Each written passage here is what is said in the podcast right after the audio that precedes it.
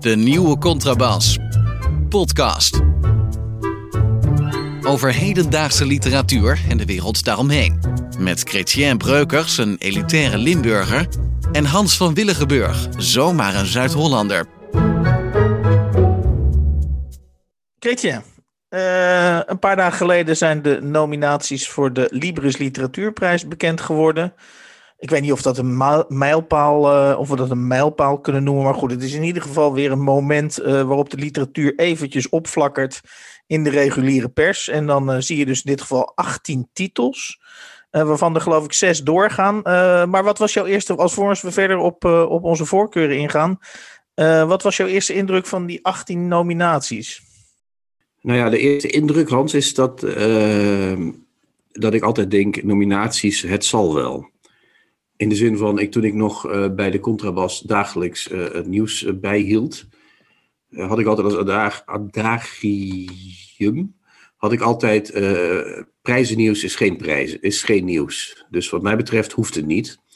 Maar als ik het dan bekijk vanuit mijn ervaring in de literatuur, zie ik een paar dingen die me echt opvallen. Eén ding is dat er twee vaste waarden in zitten, namelijk Jeroen Brouwers en Anne Gunberg die zijn altijd wel uh, aanwezig. En nu misschien de derde nieuwe waarde is ook uh, Stefan Hetmans, ook altijd wel genomineerd. Dus uh, hoewel zeer verschillend van leeftijd zou je kunnen zeggen, de oude garde loopt soms nog mee. Maar de jury zelf um, kondigde al aan dat er heel veel jongeren waren, zijn, die in, ingestuurd waren. Maar ik zie ook bijvoorbeeld ehm, het boek Confrontatie van Simone Atang, Atangana Bekono, Confrontaties, Gerda Blees, Wij zijn licht, Marijn de Boer, de Saamhorigheidsgroep. Dat zijn al, en Thomas Hema van Vos, die is al 15 eh, jaar een jonge schrijver. Dus die vier, dat zijn echt heel uh, jonge, opvallende schrijvers. Alma Matthijssen zou je ook kunnen noemen. Dus er komt ook een. En natuurlijk de twee, uh, Marieke Lucas Rijneveld en Lise Spit. Dus je zou kunnen zeggen dat er een hele jonge generatie aankomt. En dat is ook zo, denk ik. Want dat zijn er al een stuk of zes van 16. Dus dat is niet, eh, het is niet gering. Maar nou zeg jij van eigenlijk is voor mij dat prijzennieuws, en zeker bij de nominaties, is dat nog geen nieuws voor mij. Maar ik kan me toch voorstellen dat als je, uh, uh, ook als je, zeker misschien als je een jonge schrijver bent en je, en je zit toch opeens bij die 18 genomineerden, dan ga je jezelf toch wel met een fijn gevoel naar bed. Maar goed, dat vind je dan, ik bedoel, dan ga je toch wel van, van, van 0 naar 1, zullen we zeggen. Ja, dat, ik kan me voorstellen dat als ik nu 30 zou zijn en ik zou bij die nominaties zitten, dan zou ik inderdaad heel vrolijk naar bed gaan vandaag. In ieder geval in de zekerheid dat er een tweede druk uh, komt van je boek. Als dat er nog niet is. En, eh, maar wat vind jij nou, als je dus hem zo ziet, die lijst? Wat valt jou het meeste op? Nou, ik, ik, ik, het eerste de, waar, wat ik even naging is hoeveel van die boeken ik zelf gelezen heb. Want we, we werpen onszelf hier natuurlijk op als een, enigszins een autoriteit. Dus ik was eigenlijk wel benieuwd hoeveel van die boeken ik nou gelezen heb. En van die 18 boeken heb ik er dus drie gelezen. Ja, ik moet even tellen. Ik, ik telde, ja, ik ook drie. Ja. Ik heb dus inderdaad Arnold Grunberg gelezen, Bezette Gebieden. Uh, Jeroen Brouwers, uh, Cliënt E. Busken. En dan heb ik dat boek van Cindy Hoedmer, met, wat een lange titel heeft. Dat schiet me nu even niet te binnen. Misschien heb jij dat voor Min of meer opmerkelijke gebeurtenissen uit het leven van een treuzelaar. Dat is mooi, dat heb ik ook gelezen. Dat heb ik een vier gelezen, ja, inderdaad. Wat vond, je, wat vond jij van Brouwers eigenlijk? Ja, dat vond ik... Dat vond ik uh ik begreep dat niet helemaal. Ik... Nee, nee, je begreep het niet helemaal. Nou ja, ik, ik, het gaat er niet om dat ik dat boek niet begreep, maar ik begrijp niet, behalve dan dat hij een grote, een grote naam is die je misschien uh, niet zo snel overslaat in zo'n jury. Maar uh, ik vond dat boek zeker niet een van zijn sterkste boeken. Maar goed, voor mij is natuurlijk het grote nieuws, uh, Kretje, is dat Pieter Waterdrinker, uh, uh, die met de Rad van Amsterdam, vind ik, een belangrijk en groot boek heeft geschreven, dat hij dus ontbreekt. En het grappige is, of, of, het, of het, ik weet niet of dat grappig is, is dat hij ontbreekt niet één keer, maar hij, het lijkt erop, en dat zal hij zelf misschien ook beamen, dus dat hij altijd systematisch ontbreekt. Nou, ik denk dat ik jou tegemoet kan komen deze week. En dat zal je verbazen. En daar heb je niet op gerekend, daarom zeg ik het ook. Maar ik denk dat als je had moeten kiezen tussen Brouwers, wat toch echt een oude liefde van mij is, zeg maar de waterdrinker uit mijn jeugd, zal ik maar zeggen, uh, en, en waterdrinker, dan had ik het waterdrinker in dit geval meer gegund dan Brouwers. Want Brouwers, daar is een soort merkwaardig iets mee aan de hand dat hij hoe slechtere boeken die schrijft, hoe meer nominaties en prijzen die krijgt. Al zijn goede boeken zijn in vergetelheid geraakt. En al zijn slechte boeken worden geprezen. Dus als die man dadelijk uh, ooit, en ik hoop dat het nog heel lang duurt, uh, sterft, dan zal, hij zich, dan zal hij bij het grote lezerspubliek bekend zijn met slechte boeken. En dat lijkt me echt, dat lijkt me pas echt de hel. De kibbel. Waar praat de literaire wereld op dit moment over? En wat vindt de nieuwe contrabas daarvan? Vandaag gaan we het hebben over uh, de, de, de bijna niet te missen gebeurtenis dat Amanda Gorman, we hebben daar vorige week ook al kort over gehad. Uh, dat is een Amerikaanse dame, donkere dame van 22 jaar. Die heeft de inauguratie van president Biden opgeluisterd op een manier die alom veel indruk heeft gemaakt. En enkele dagen na haar um, optreden werd bekend dat haar eerste bundel een oplage heeft van schrik niet 1 miljoen exemplaren. En in mijn omgeving, ik zal dat misschien zo direct wat nader specificeren waren er in ieder geval een heel aantal mensen die uh, misschien normaaliter niet zo in poëzie zijn geïnteresseerd, maar helemaal weg waren van Amanda Gorman en nu al wachten op de Nederlandse vertaling van dat boek en, en, en, en klaarstaan om naar de boekhandel uh, te rennen. En ik vroeg me af, en uh, Kretje, is zij niet de voorafspiegeling van een heel nieuw soort poëzie? Een poëzie die dus uh, star, star quality heeft en misschien inderdaad mensen inspireert om, ik zeg het maar heel voorzichtig en zonder ironie, hopelijk goede dingen te doen in de wereld.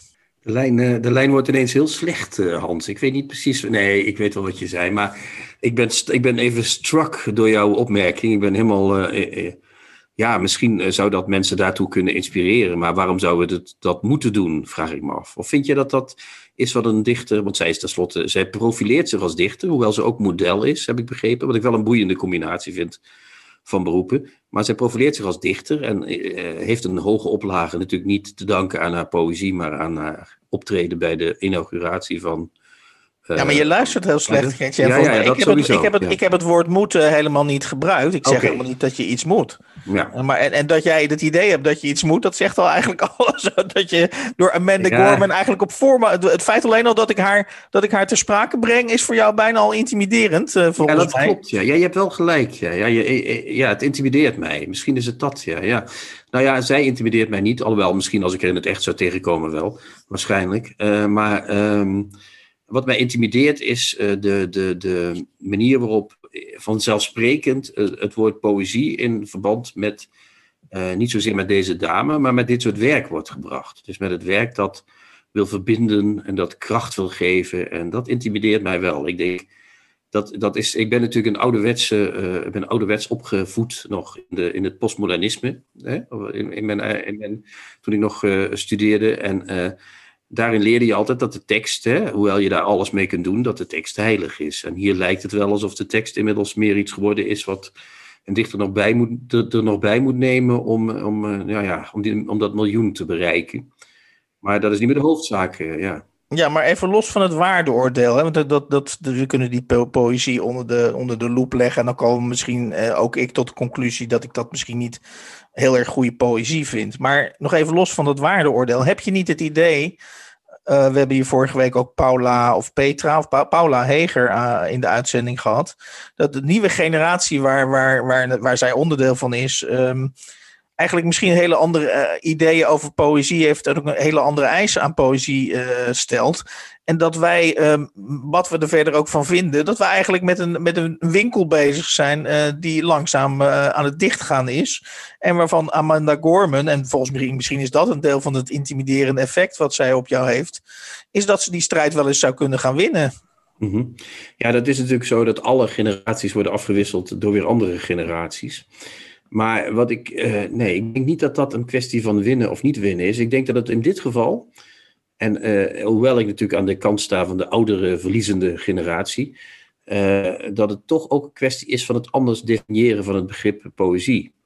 Hè? Poëzie was vroeger iets wat op papier gebeurde, wat eventueel ook werd voorgedragen, soms mooi en soms minder mooi, en wat als tekst iets betekent. En nu betekent poëzie vooral een ervaring. Dus het is in die zin net zoals alle amusement geworden namelijk een event. Dus als er een, mooi iemand staat die uh, dat heel mooi doet. En dat moeten we haar allemaal nageven. Dat is heel goed. En in zekere zin is dat gedicht ook nog niet zo slecht. Althans, vakmatig niet zo slecht in elkaar uh, gesleuteld. En voor het effect wat het beoogde, heel goed gedaan.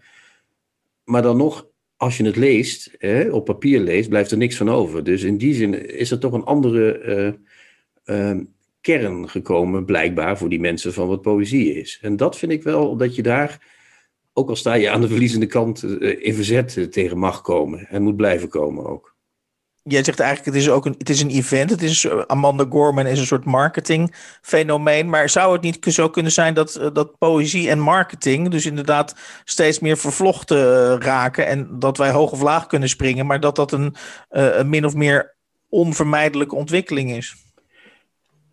Mocht het een onvermijdelijke ontwikkeling zijn, dan is het een slechte ontwikkeling. Want poëzie hoort, net als alle literatuur, althans voor mij, en nogmaals, dat is dus, ik kan alleen maar voor mezelf spreken, een vrije kunst. Dus een, kunst die zich niet hoeft te spiegelen aan marketing of aan uh, dat soort begrippen. Dus het hoort een kunst te zijn die vrij is. En uh, het moment dat je het met events of met marketing, aan, aan events of aan marketing koppelt, gaat de vrijheid er voor een deel af. En dan is voor mij persoonlijk de lol er wel vanaf.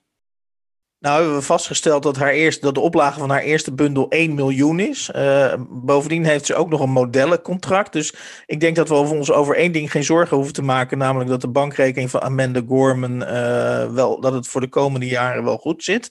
Sluit jij helemaal uit dat ze, uh, dat ze alsnog um, met, dit, met, met deze toch tamelijk glamoureuze binnenkomst in het openbare leven uh, dat ze uh, op een willekeurig moment, over een jaar of over twee jaar, drie jaar, misschien serieus aan een, achter een bureau gaat zitten en alsnog in jouw ogen echte poëzie gaat schrijven?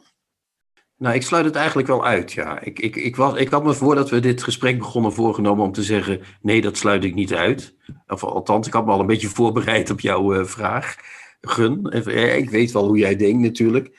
En ik had gedacht, ik ga heel redelijk doen. Maar ik merk dat nu dit, dit gesprek vordert, dat mijn onredelijkheid groeit. Ik wil eigenlijk zeggen, die kan best wel eens wat gaan schrijven. Maar ik denk, als ik heel eerlijk ben, dat iemand die zo uh, ontvangen wordt en die zo, uh, waar zo de rode loper voor wordt uitgelegd, dat de gemakzucht moet daar wel toeslaan. Dat kan niet anders gewoon.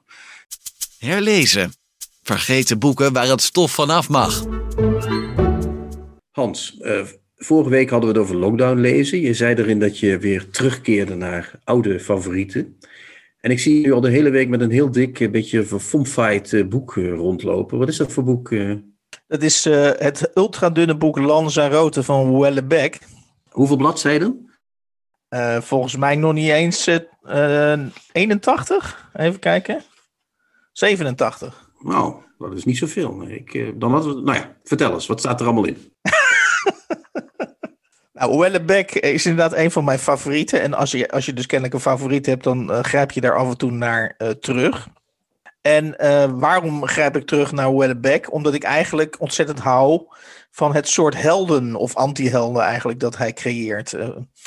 Um, ik, ik ben een fervent lezer van flapteksten ook. in boeken, in boeken in boekwinkels. En dan valt me altijd op dat er met de hoofdpersoon altijd vrij dramatisch. In die flaptekst wordt dan uitgelegd dat er vrij dramatische gebeurtenissen met die hoofdpersonen gebeuren om ons dat boek uh, te verkopen.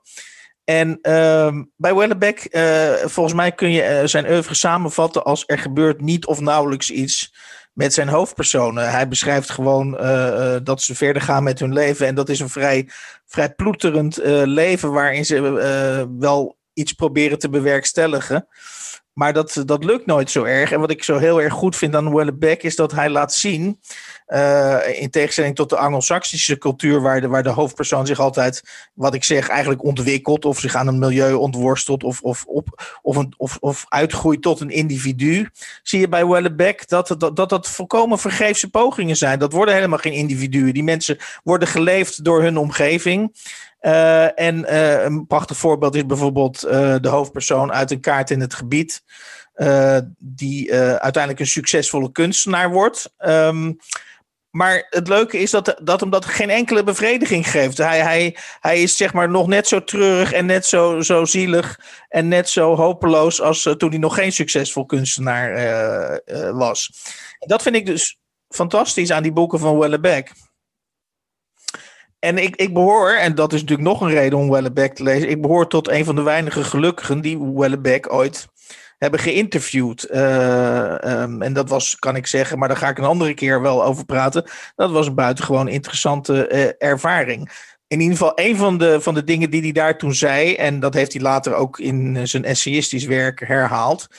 Dat is dat zijn werk inderdaad, zoals ik eigenlijk al zeg, niet over individuen gaat, maar over de maatschappij.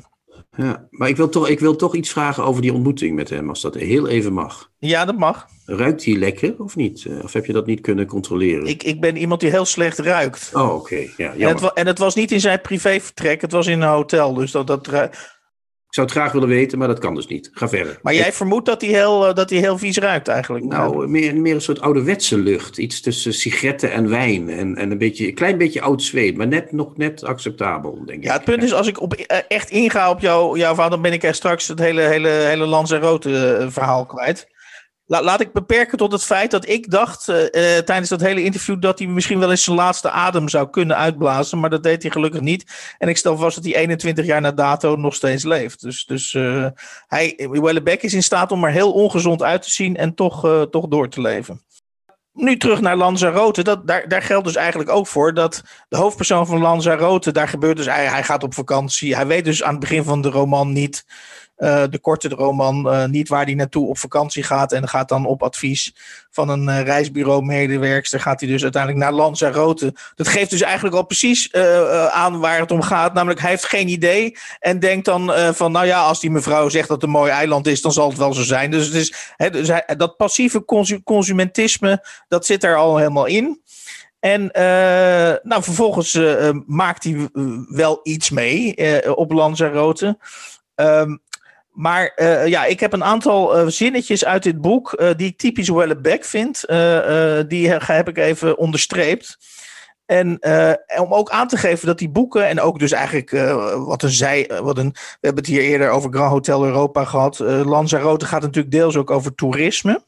En, maar gaat uiteindelijk over, de maatschappij. En dan zegt hij op bladzijde 70, herhaal ik eventjes twee prachtige zinnen die alleen Wellebeck kan schrijven. Geen enkele sociale positie of persoonlijke band bood nog zekerheid.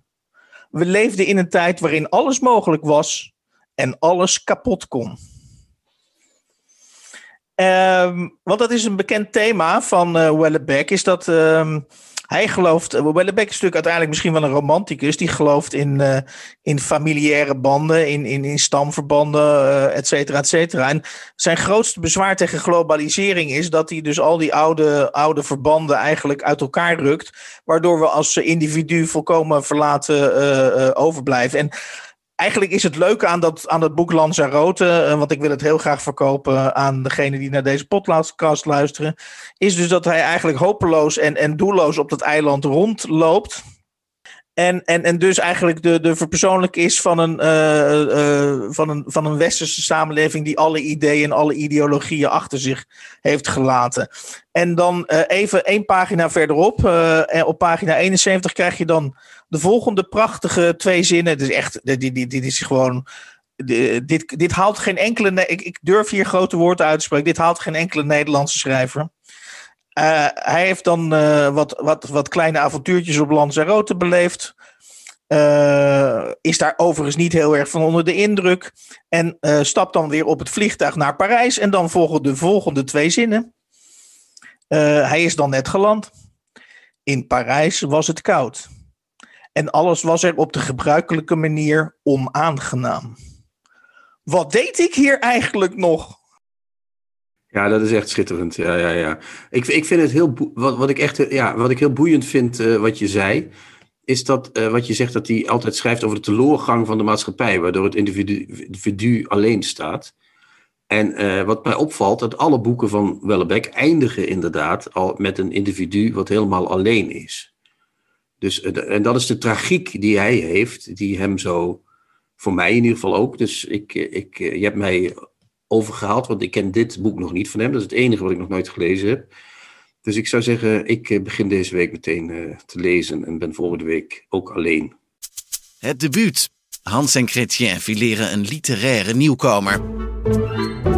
Chrétien en ik hebben voor deze rubriek dezelfde roman gelezen. Dat is het hele idee van deze rubriek.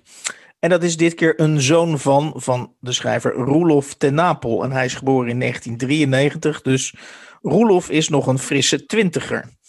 Um, we hebben dat allebei dus gelezen. Chrétien, jouw eerste indruk van uh, een zoon van? Ja, nou, mijn eerste indruk is dat eh, ik uh, vind dat, dat Roelof ten Napel echt een schrijver is met een dwingende stem. Ik zal uitleggen, dat is niet negatief, dat bedoel ik heel positief. Ik zal uitleggen wat ik daarmee bedoel. Als je hem leest, dan heb je meteen het idee, hier is iemand bezig die wil mij iets vertellen. En het gekke is dat, uh, ook al is het misschien niet meteen iets wat, uh, uh, waarvan je denkt, dat wil ik weten. Hij zegt het met zo'n urgentie dat je het boek ingetrokken wordt en dat je er niet meer uitgaat voordat het, aan het, voordat het afgelopen is. Dus ik vind dat een echt een, een bijzonder debuut, moet ik zeggen. Nou wil ik je best geloven op je blauwe ogen, maar kun je een voorbeeld geven van die urgentie? Dat je zegt van nou, daar en daarom ervaar ik dit proza of dit boek als urgent. Uh, ja, ik kan het gewoon begin wat ik zeg. Hij trekt je meteen het boek in, dus ik kan het binnen eventjes uh, doen. hij stak de biljetten in een envelop, had ervoor gezorgd dat ze gebruikt leken, kriskras vouwen gemaakt. Zijn moeder wilde graag dat hij het geld met anderen zou wisselen, maar welke andere dan? En niemand liep u toch rond met cash, laat staan met briefjes van 50. Ze had ergens gelezen dat de banken belasting- en overheidsbriefgeld door middel van watermerken en codes konden volgen, in kaart konden brengen waar alles vandaan kwam. Het is net een beetje als met de boeken van uh, W.F. Hermans. Uh, je denkt, hier is iets aan de hand. Wat is er aan de hand? En ik kan er alleen maar achter komen als ik de rest van de alinea's uh, beschrijf. Het is een schrijver die, we hebben vorige, een van de vorige keren besproken de recensie van Kees het Hart op dit boek. Hij zegt, uh, de, de schrijver beschrijft weinig andere mensen, hè, als ik dat goed herinner. En dat klopt ook, maar dat komt volgens mij omdat hij zo in zijn eigen verhaal vastzit. En dat verhaal is eigenlijk vrij eenvoudig. Het is, waar kom ik vandaan en wat moet ik doen? Namelijk gaan schrijven. maar hij zit daar zo vast in dat verhaal dat hij niks anders om zich heen ziet ik, ik vind het wel bijzonder dat jij het woord urgent uh, gebruikt. Dat, dat, dat, heb ik er zelf totaal niet uitgehaald. Um, in, uh, in het eerste gedeelte van het boek maakt hij een uh, openlijke verwijzing naar de avonden van Gerard Reven. dat doet hij volgens mij niet voor niks. En als ik, ehm, als ik even die, als ik die vergelijking, die voorzet van Roelof de Napel zelf eventjes blijf volgen de avonden is natuurlijk bij uitstek een boek. Maar misschien vind jij de avonden ook wel een heel urgent boek. Um, misschien moet ik het dan zo urgent zo interpreteren dat de schrijver iets wat op zijn hart ligt of op zijn ziel ligt, dat hij dat gaat uitstorten. Uh, dan begrijp ik het. Maar zoals ik het zelf lees, maar dat is misschien mijn eigen, dat is misschien mijn eigen tekortkoming is het allemaal nogal terloops. Niet dat ik dat slecht vind, want even voor alle duidelijkheid, uh, we hadden het vorige week over Caro van Tuinen. Daar kwam ik echt uh, totaal niet in. Die liet mij niet toe. En Roelof de Napel laat mij absoluut wel toe. Uh, hij is een jongeling van, ik schat aan het begin van zo'n 15 jaar, 15, 16 jaar. En het is na een paar pagina's duidelijk dat hij uh, worstelt, om jouw uh, favoriete woord even te gebruiken, met zijn homoseksualiteit. Dus, dus, dus, dus dat is in één keer duidelijk. Maar, en dan haal ik ook weer even diezelfde recensie van Kees het Hart aan. Het opmerkelijke is nou juist dat we inderdaad die pers personen om, een om, hem heen, waarmee hij omgaat, te, tegen wie die praat, die blijven heel erg vaag. Die worden dus inderdaad nauwelijks omschreven, hebben ook geen uiterlijk, je weet niet welke kleren ze dragen. En wat, mij, wat mij, dus het was wat dat betreft erg non-descript. Op, op, en, en wat ik ook bijzonder aan dit boek vond, was dat. Um, behalve dan misschien dat er af en toe met een telefoon een foto wordt gemaakt of een filmpje. had het boek voor hetzelfde geld, voor mijn gevoel, in de jaren 50 kunnen spelen. of in de jaren 80. Er is werk, het, is een heel. het is een heel ja, wat dat betreft maakt het, het, het, het, Ja, ik weet niet hoe ik dat moet zeggen. Het is wat ik zeg, het is een beetje non-descript dus. Maar het heeft ook iets rukkerigs. Ik bedoel, dit bedoel ik echt. Sorry, dit bedoel ik echt anders dan ik het zeg. Hij maakt hele korte zinnetjes ook soms. Hè? Dus hij maakt het heel kort. Hij, hij, net alsof hij haast heeft om het, om het te noteren. Van dit moet er allemaal dit moet er nog allemaal in en dat en dit zinnetje ook. En wat jij zegt, dat nondescripte, dat wat ik volgens mij dus is, omdat hij zo in zijn eigen hoofd vastzit dat hij niet meer weet waar hij. Uh, hij moet dat kwijt. Dit is het verhaal wat ik even moet vertellen. Dat bedoel ik inderdaad met dat urgente. Dus dat kan inderdaad een hele. Ik denk dat Reven inderdaad ook een urgentie had om zijn verhaal te vertellen. Maar wat hij ook heeft, is dat hij daardoor, gek genoeg, hij moet wel talent hebben, want als, als je dit soort boeken zou laten schrijven door iemand die niet eh, echt goed kan schrijven, dan worden het verschrikkelijk saaie toestanden. Worden het dan, uh, ja, of verschrikkelijk sentimentele boeken. Of verschrikkelijk sentimentele boeken, ja, ja. En dat is het niet, zou ik zeggen. Nou, ik, ik, ik heb, dat siert mij misschien niet, maar ik, ik heb ook wel voor mezelf een soort naam voor het type auteur wat hij is, volgens mij. En wat je ook in de literatuur heel vaak tegenkomt. Ehm, en dat zijn, van, dat zijn mensen die ik noem sorry dat ik besta types. Oké, dat vind je hem ook hebben.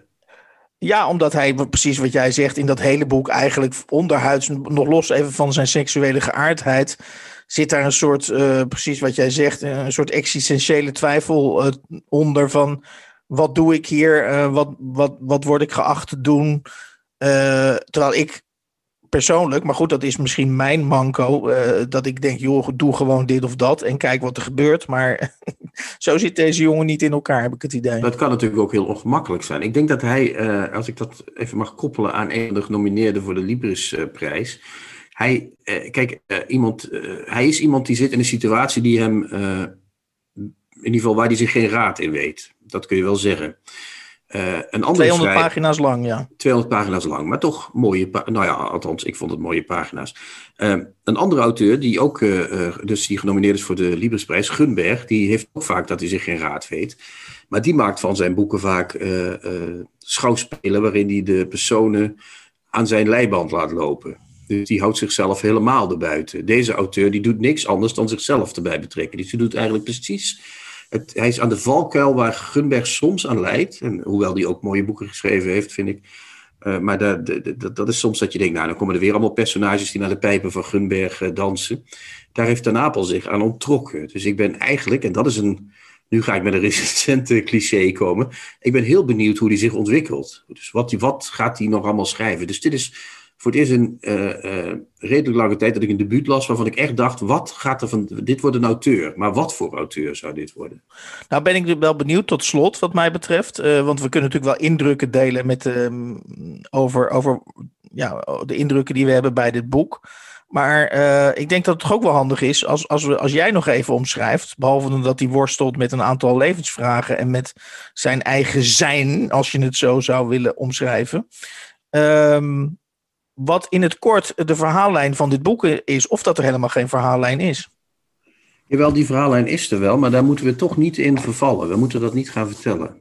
Die is er. Het is een, eigenlijk gaat het over een adolescent die schrijver wil worden. En een adolescent die zijn seksualiteit ontdekt. Namelijk uh, dat hij anders is dan anderen. En een, uh, en een adolescent die zich losscheurt van, van zijn geboortegrond. Oké, nou dan moet ik. Ik neem daar dan uh, noodgedwongen genoegen mee. Ik heb geen betere samenvatting, laten we het zo zeggen.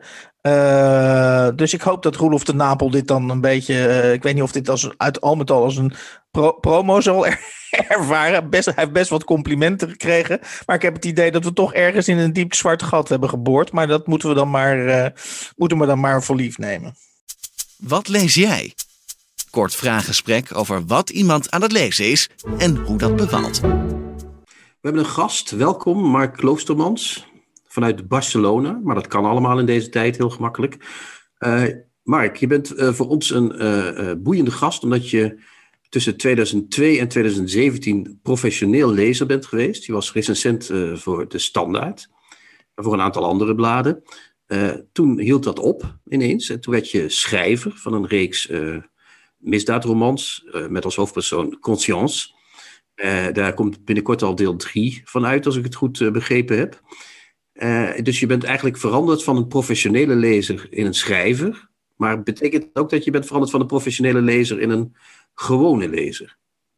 Um, gewone lezer, wat is de gewone lezer? Mijn, mijn manier van lezen is wel veranderd.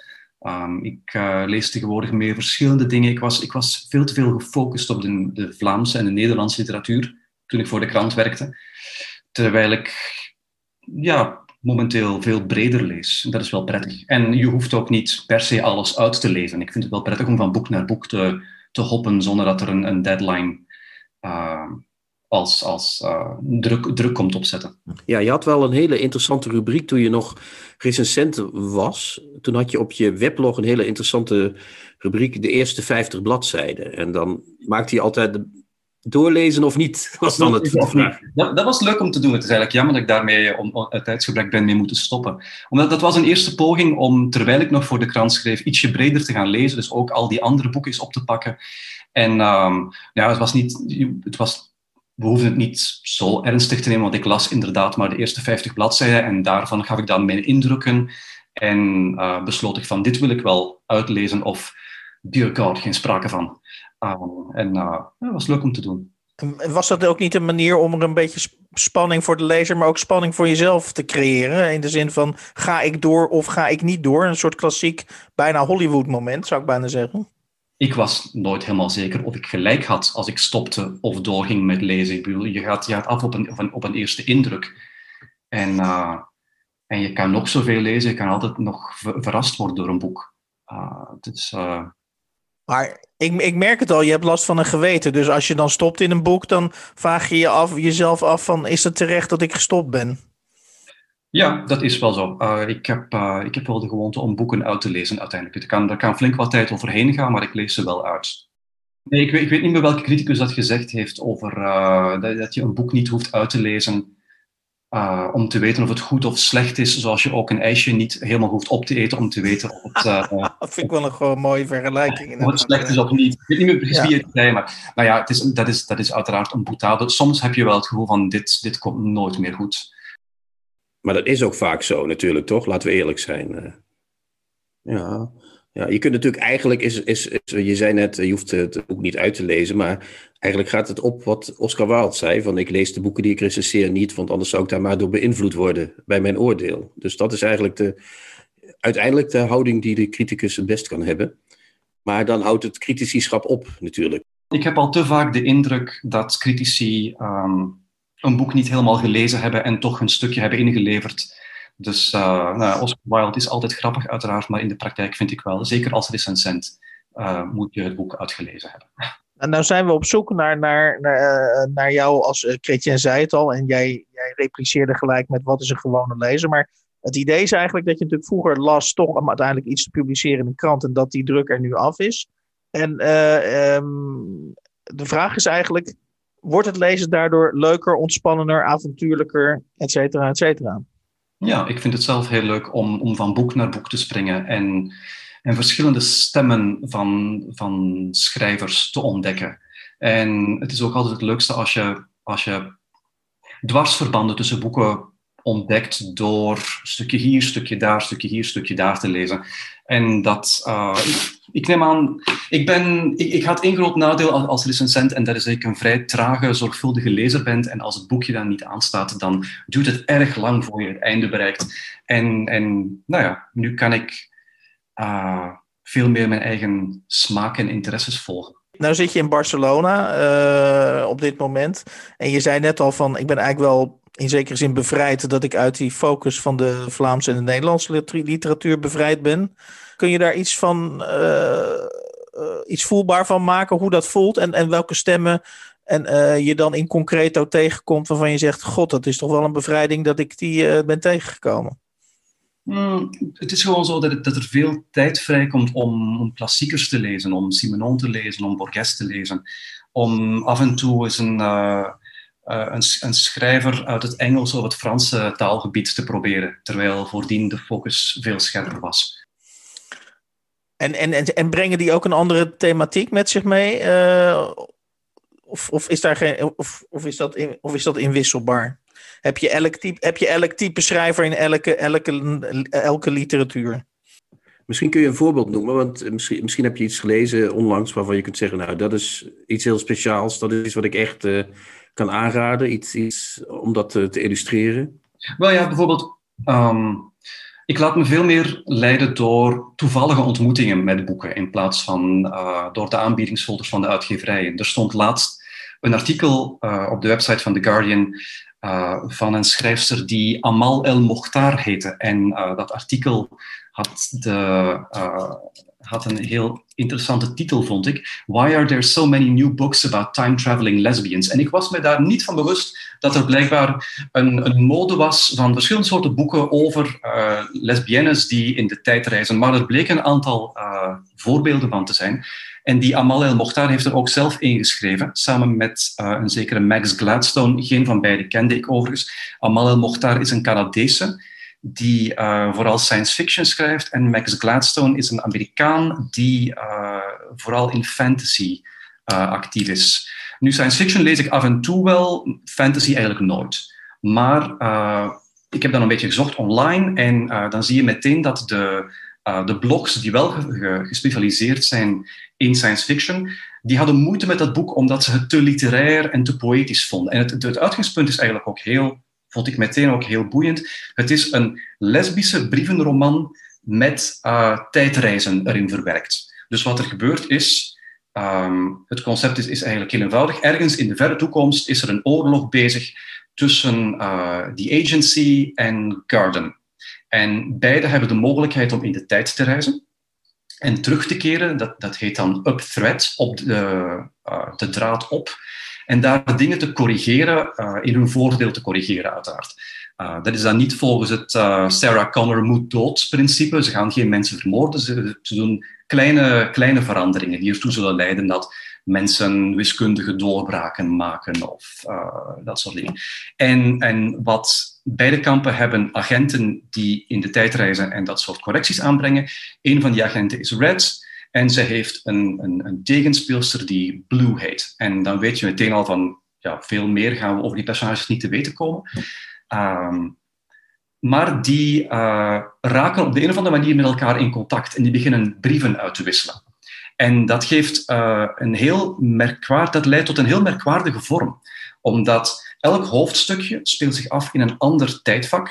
En uh, beschrijft de activiteiten van een van die agenten, Red of Blue, en wordt dan gevolgd door een brief. Dus je krijgt een mengeling van een verhalenbundel en een brievenroman. En pas na pagina 100 komt er echt uh, komt er een verandering in en wordt het meer een klassieke roman, omdat de, uh, de opdrachtgevers van die twee agenten komen erachter dat de twee met elkaar in contact zijn geweest en dan moeten ze zich beschermen tegen hun respectieve uh, bazen omdat, omdat beide uh, agenten voorzien zijn van allerlei implantaten en allerlei technische snoepjes en toestanden, krijg je heel veel uh, poëtische passages over het lichaam, waarbij ik dacht, dit zou in vertaling wel een heel klein beetje Peter Verhelst of vroege Saskia de Koster kunnen zijn. Maar, maar die, uh, wat ik zei eerder over die, over die science fiction blogs, de reden waarom mensen zich daar bekloegen over dit boek, is dat ze zeiden van je komt niks te weten over die twee partijen, je weet niet waarom er een oorlog is in de toekomst. Maar dat hoeft ook niet, omdat het gaat over de ontwikkeling in die brieven, hoe die twee mensen naar elkaar toe groeien.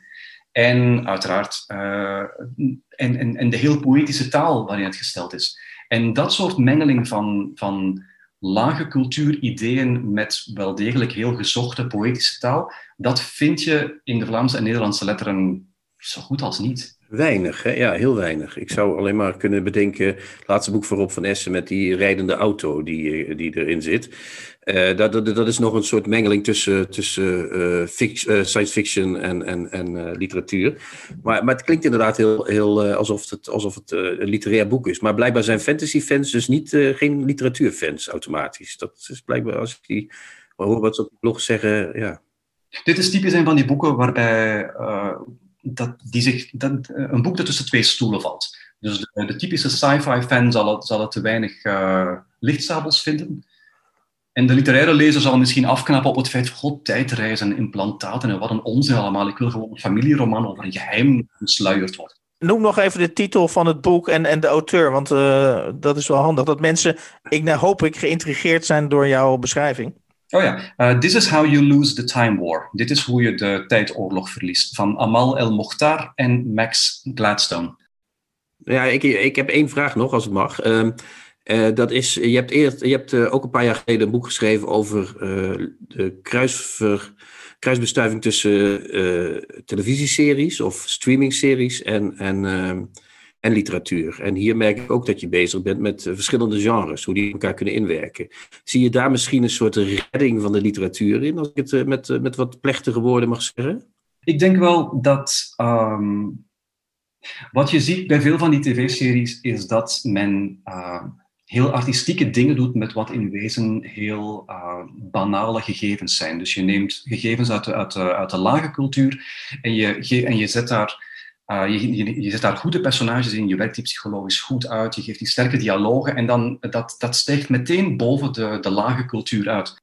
Maar wat noem jij een banaal gegeven? Heb jij dan een voorbeeld? Want ik ben wel geïntrigeerd door jouw beschrijving. Maar wat, wat is een banaal gegeven wat, wat dan helemaal aangekleed wordt door zo'n serie? Het eerste voorbeeld waar ik aan denk, uh, omdat we het toch over science fiction hebben, Battlestar Galactica. Dat is zeker niet iets op het niveau van The Sopranos of Breaking Bad, maar je hebt daar het klassieke verhaal van uh, de mens, die, de, de, de menselijke beschaving, die wordt aangevallen door robots. Maar omdat ze ook geen enorm budget hebben voor massascènes, wordt dat al heel snel een verhaal over de mensheid op de vlucht in ruimteschepen voor hun eigen robots. En op die, uh, op die ruimteschepen moet vervolgens een vorm van democratie, een vorm van politiek bedreven worden. De, die, die mensen moeten zich op de een of andere manier moeten hun cultuur, hun beschaving heruitvinden in, sterk veranderde omstandigheden. En er zijn, uh, ik ben niet de eerste die dat zegt, er zijn mensen die dat vergelijken met The West Wing, uh, wat, wat, wat een tv-serie is over uh, de Amerikaanse politiek. Het gaat niet zo diep, maar het, maar het, maakt, het, het, toont wel dat je met heel populaire gegevens, dat je daar... En het, en het banale gegeven is dan dat we aangevallen worden? Dat, dat is eigenlijk de, het banale begin? Ik zou het niet banaal noemen. Het gaat, het gaat eerder van, ja, je, je begint met een typisch science fiction gegeven, mens versus robot. En vervolgens geef je daar een politieke en een religieuze, later in de, in de reeks komt er ook nog godsdienst bij, geef je daar een politieke en een religieuze uh, invulling aan. En nou, dan, dan, dan stijgt dat boven zichzelf uit. Wat, wat, mij, uh, wat mij intrigeert en wat ik zeker niet, niet ongevraagd wil laten, is uh, je geeft ons een indruk van jou, uh, van de manier waarop je dingen aan eigenlijk literair avontuur voor jezelf probeert te organiseren. Um, Zien we dat ook terug in je eigen werk? Is dat een weerspiegeling daarvan? Ben je daarin ook zo avontuurlijk? Ik denk niet dat ik genres vermeng in, in mijn conscience-reeks, maar het is wel zo dat ik het heel handig vind om uh, de, de basisstructuur van een detectieve roman te gebruiken als kapstok en daar vervolgens andere dingen aan toe te voegen. Je hebt, uh, je hebt een onderzoek dat moet leiden naar een onthulling aan het einde, maar je volgt ook een beetje de personages. En bijvoorbeeld um, de, het tweede deel dat in, in november verschenen is, De Finse Weduwe, gaat uh, aan, de, aan de oppervlakte gaat dat over de zoektocht naar, naar een seriemoordenaar in het Brussel van 1869. Maar uh, voor mij gaat het ook over de eenzaamheid van die personages en hoe die proberen met elkaar in contact te komen. En dat is, dat is een lijn die ik doorheen het boek volg. In, in het derde deel, dat, dat in mei uitkomt, uh, dat is eerder een soort van weak law in een huis waarin, waarin net een vrouw vermoord is. Nou, daar wordt heel veel gepraat over vaderlandsliefde en wat je moet doen voor het vaderland. En dat is een stukje om, om historische context te schetsen. Maar ik vind ook van je, je, je kan heel veel onderwerpen en, je, je, kan, je kan heel veel dingen invoegen in een bestaansstramien als je je, je, eigen conscience-reeks in eh, twee of drie zinnen zou uh, moeten uh, verkopen, klinkt een beetje banaal, maar als je mensen zou moeten proberen te fascineren voor, voor die reeks, wat, welke twee, drie zinnen zou jij dan gebruiken? Aan de hand van de onderzoeken van een privédirectieve in het België van de 19e eeuw komen we meer te weten over de manier van denken in die tijd. En over de enorme verschillen tussen een land dat wel een beetje herkenbaar lijkt, maar eigenlijk helemaal anders is. Een andere, een andere blik op onze geschiedenis. Zoiets. En waar je, waar je ook achter komt in jouw boek is natuurlijk dat, dat, dat er altijd onder dat uh, zogenaamde uh, vrolijke masker van Vlaanderen, daar zit altijd nog wat onder, zeg maar. Hè? Er is altijd nog van alles uh, te doen. er zitten nog merkwaardige geheime genootschappen waar we nog steeds niets over weten. En misschien in deel 3 ook nog niks vanaf weten, ik weet niet. Ah, dat hou ik nog even onder de pet. Ja, dat dacht ik al, ja. Merci Mark. Heel erg bedankt dat je er wilde zijn. En uh, bedankt voor je medewerking. Moet je horen. Hans leest een favoriete passage voor uit een boek dat hij onlangs gelezen heeft. Geïnspireerd door de allerlaatste schermutselingen in uh, een heel groot buurland, namelijk Rusland. Waar Poetin nu uh, toch wel wat losser op zijn benen lijkt te staan. En ja, daar wordt dus druk over gespeculeerd hoe dat met hem gaat aflopen. En dat heeft mij geïnspireerd. En ik heb een, al een natuurlijke voorkeur voor Russische literatuur. Om uh, de verzamelde werken van Dostoevsky uit de kast te trekken. verzamelde werken 4. En daar zit een verhaal in. En dat heet Winterse opmerkingen over zomerse indrukken. En ik hoop, als ik dit ga voorlezen, want ik ga de, ja, zeg maar een halve pagina, de eerste halve pagina daarvan voorlezen.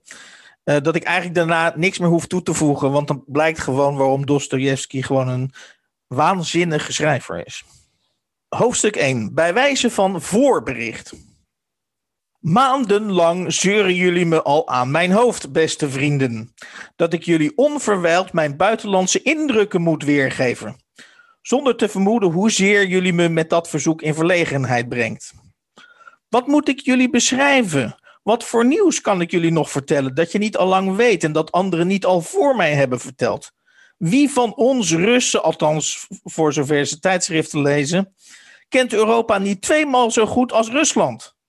Ik zet, ik zet nu maar uit beleefdheid tweemaal, maar in werkelijkheid zal het wel moeten luiden tienmaal. En afgezien nog van deze algemene overwegingen, jullie weten heel goed dat juist ik niets te vertellen heb en geen ordelijke relaas kan geven. Te minder daar ik eigenlijk niets op ordelijke wijze heb bekeken, of althans niet meer dan hoogst oppervlakkig. Ik ben in Berlijn geweest, in Dresden, in Wiesbaden, Baden-Baden, Keulen, Parijs, Londen, Luzern, Genève, Genua, Florence, Milaan, Venetië, in Wenen. In sommige van die plaatsen ben ik tweemaal geweest. En dat alles, dat hele traject heb ik afgereisd in slechts 2,5 maand. Hoe kan men nu ergens een behoorlijke indruk van krijgen bij zo'n reistempo? Ja, schitterend tegen het toerisme. Je kunt het niet genoeg zeggen trouwens, Hans. Zoals we al uh, hadden toen we Hotel Europa bespraken. Ik moet iets, ik, mag, mag ik iets zeggen erop of niet? Uh, ik heb, uh, ik heb we hebben het gehad over lockdown lezen. En daar was ik één. Ik merk nu dat ik één auteur helemaal vergeten ben. Want um, Dostoevsky, die ben ik vorig jaar gaan lezen ook. En ik was altijd in de veronderstelling door wat ik had gelezen bij Nabokov en bij Karel van het Reven, dat het geen goede schrijver zou zijn. En op een of andere manier had zich dat in mijn vooroordelenzone gevestigd. En uh, daar uh, ben ik door de, de, de, de, roman In de strafkolonie, heette dat geloof ik. Dat vertelt hij zijn gevangeniservaringen uitgehaald. En toen heb ik in een soort roes heb ik een stuk of tien van zijn boeken achter elkaar gelezen. Maar ook wat je nu weer voorleest, het lijkt al, net als bij Wellebeck, het lijkt heel simpel. Maar als je het leest, weet je meteen, ik moet hier mee verder. Dit is echt, uh, ja, en wat misschien wel leuke achtergrondinformatie is, zal het heel kort houden is dat um, Dostoevsky, dat weten de mensen, eh, of mensen die Dostoevsky een beetje kennen, dat hij zijn hele leven lang geldproblemen had. Uh, en dat hij dus echt een broodschrijver was. Dus dat hij ook per woord uh, en per aflevering werd betaald. En je kunt eigenlijk zeggen dat wat ik net heb voorgelezen, dat, dat, gewoon, dat daar eigenlijk nauwelijks iets staat. Dat dat gewoon een manier is om, om woorden achter elkaar te zetten en zeg maar geld te verdienen. En het briljante ervan is, is dus dat het, dat het, ja, dat het toch heel erg grappig is. En dat het, dat hij dus, dat het eigenlijk een soort tovenaar is. Het is eigenlijk iemand die niks, die niks opschrijft, ondertussen wel een pagina verder is en geld en, en een factuur uh, verstuurt. Ja, fantastisch inderdaad. Dat is echt geniaal. Wat hij ook doet is bijvoorbeeld heel vaak zeggen: Ik kom daar later op terug. Maar dat vergeet hij dan helemaal. Dan komt hij er gewoon niet op terug. Dus hij had zo'n haast met schrijven. Hij verkocht die romans ook drie keer aan drie verschillende uitgevers. Echt geniaal. Ja, schitterende figuur, die Dostoevsky.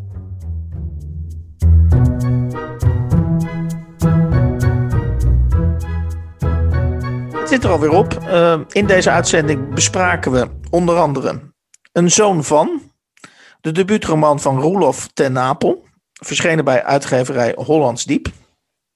Verder uh, besprak ik of herlas ik uh, de korte roman Lanzarote van Michel Wellebec, verschenen bij de Arbeiderspers. En daarnaast las ik een stukje voor uit de verzamelde werken van Dostoevsky, nummer 4 uit het verhaal Winterse opmerkingen over zomerse indrukken. En dat is verschenen bij Van Oorschot. Dan spraken we nog met Mark Kloostermans. Uh, inspirerend gesprek vanuit Barcelona.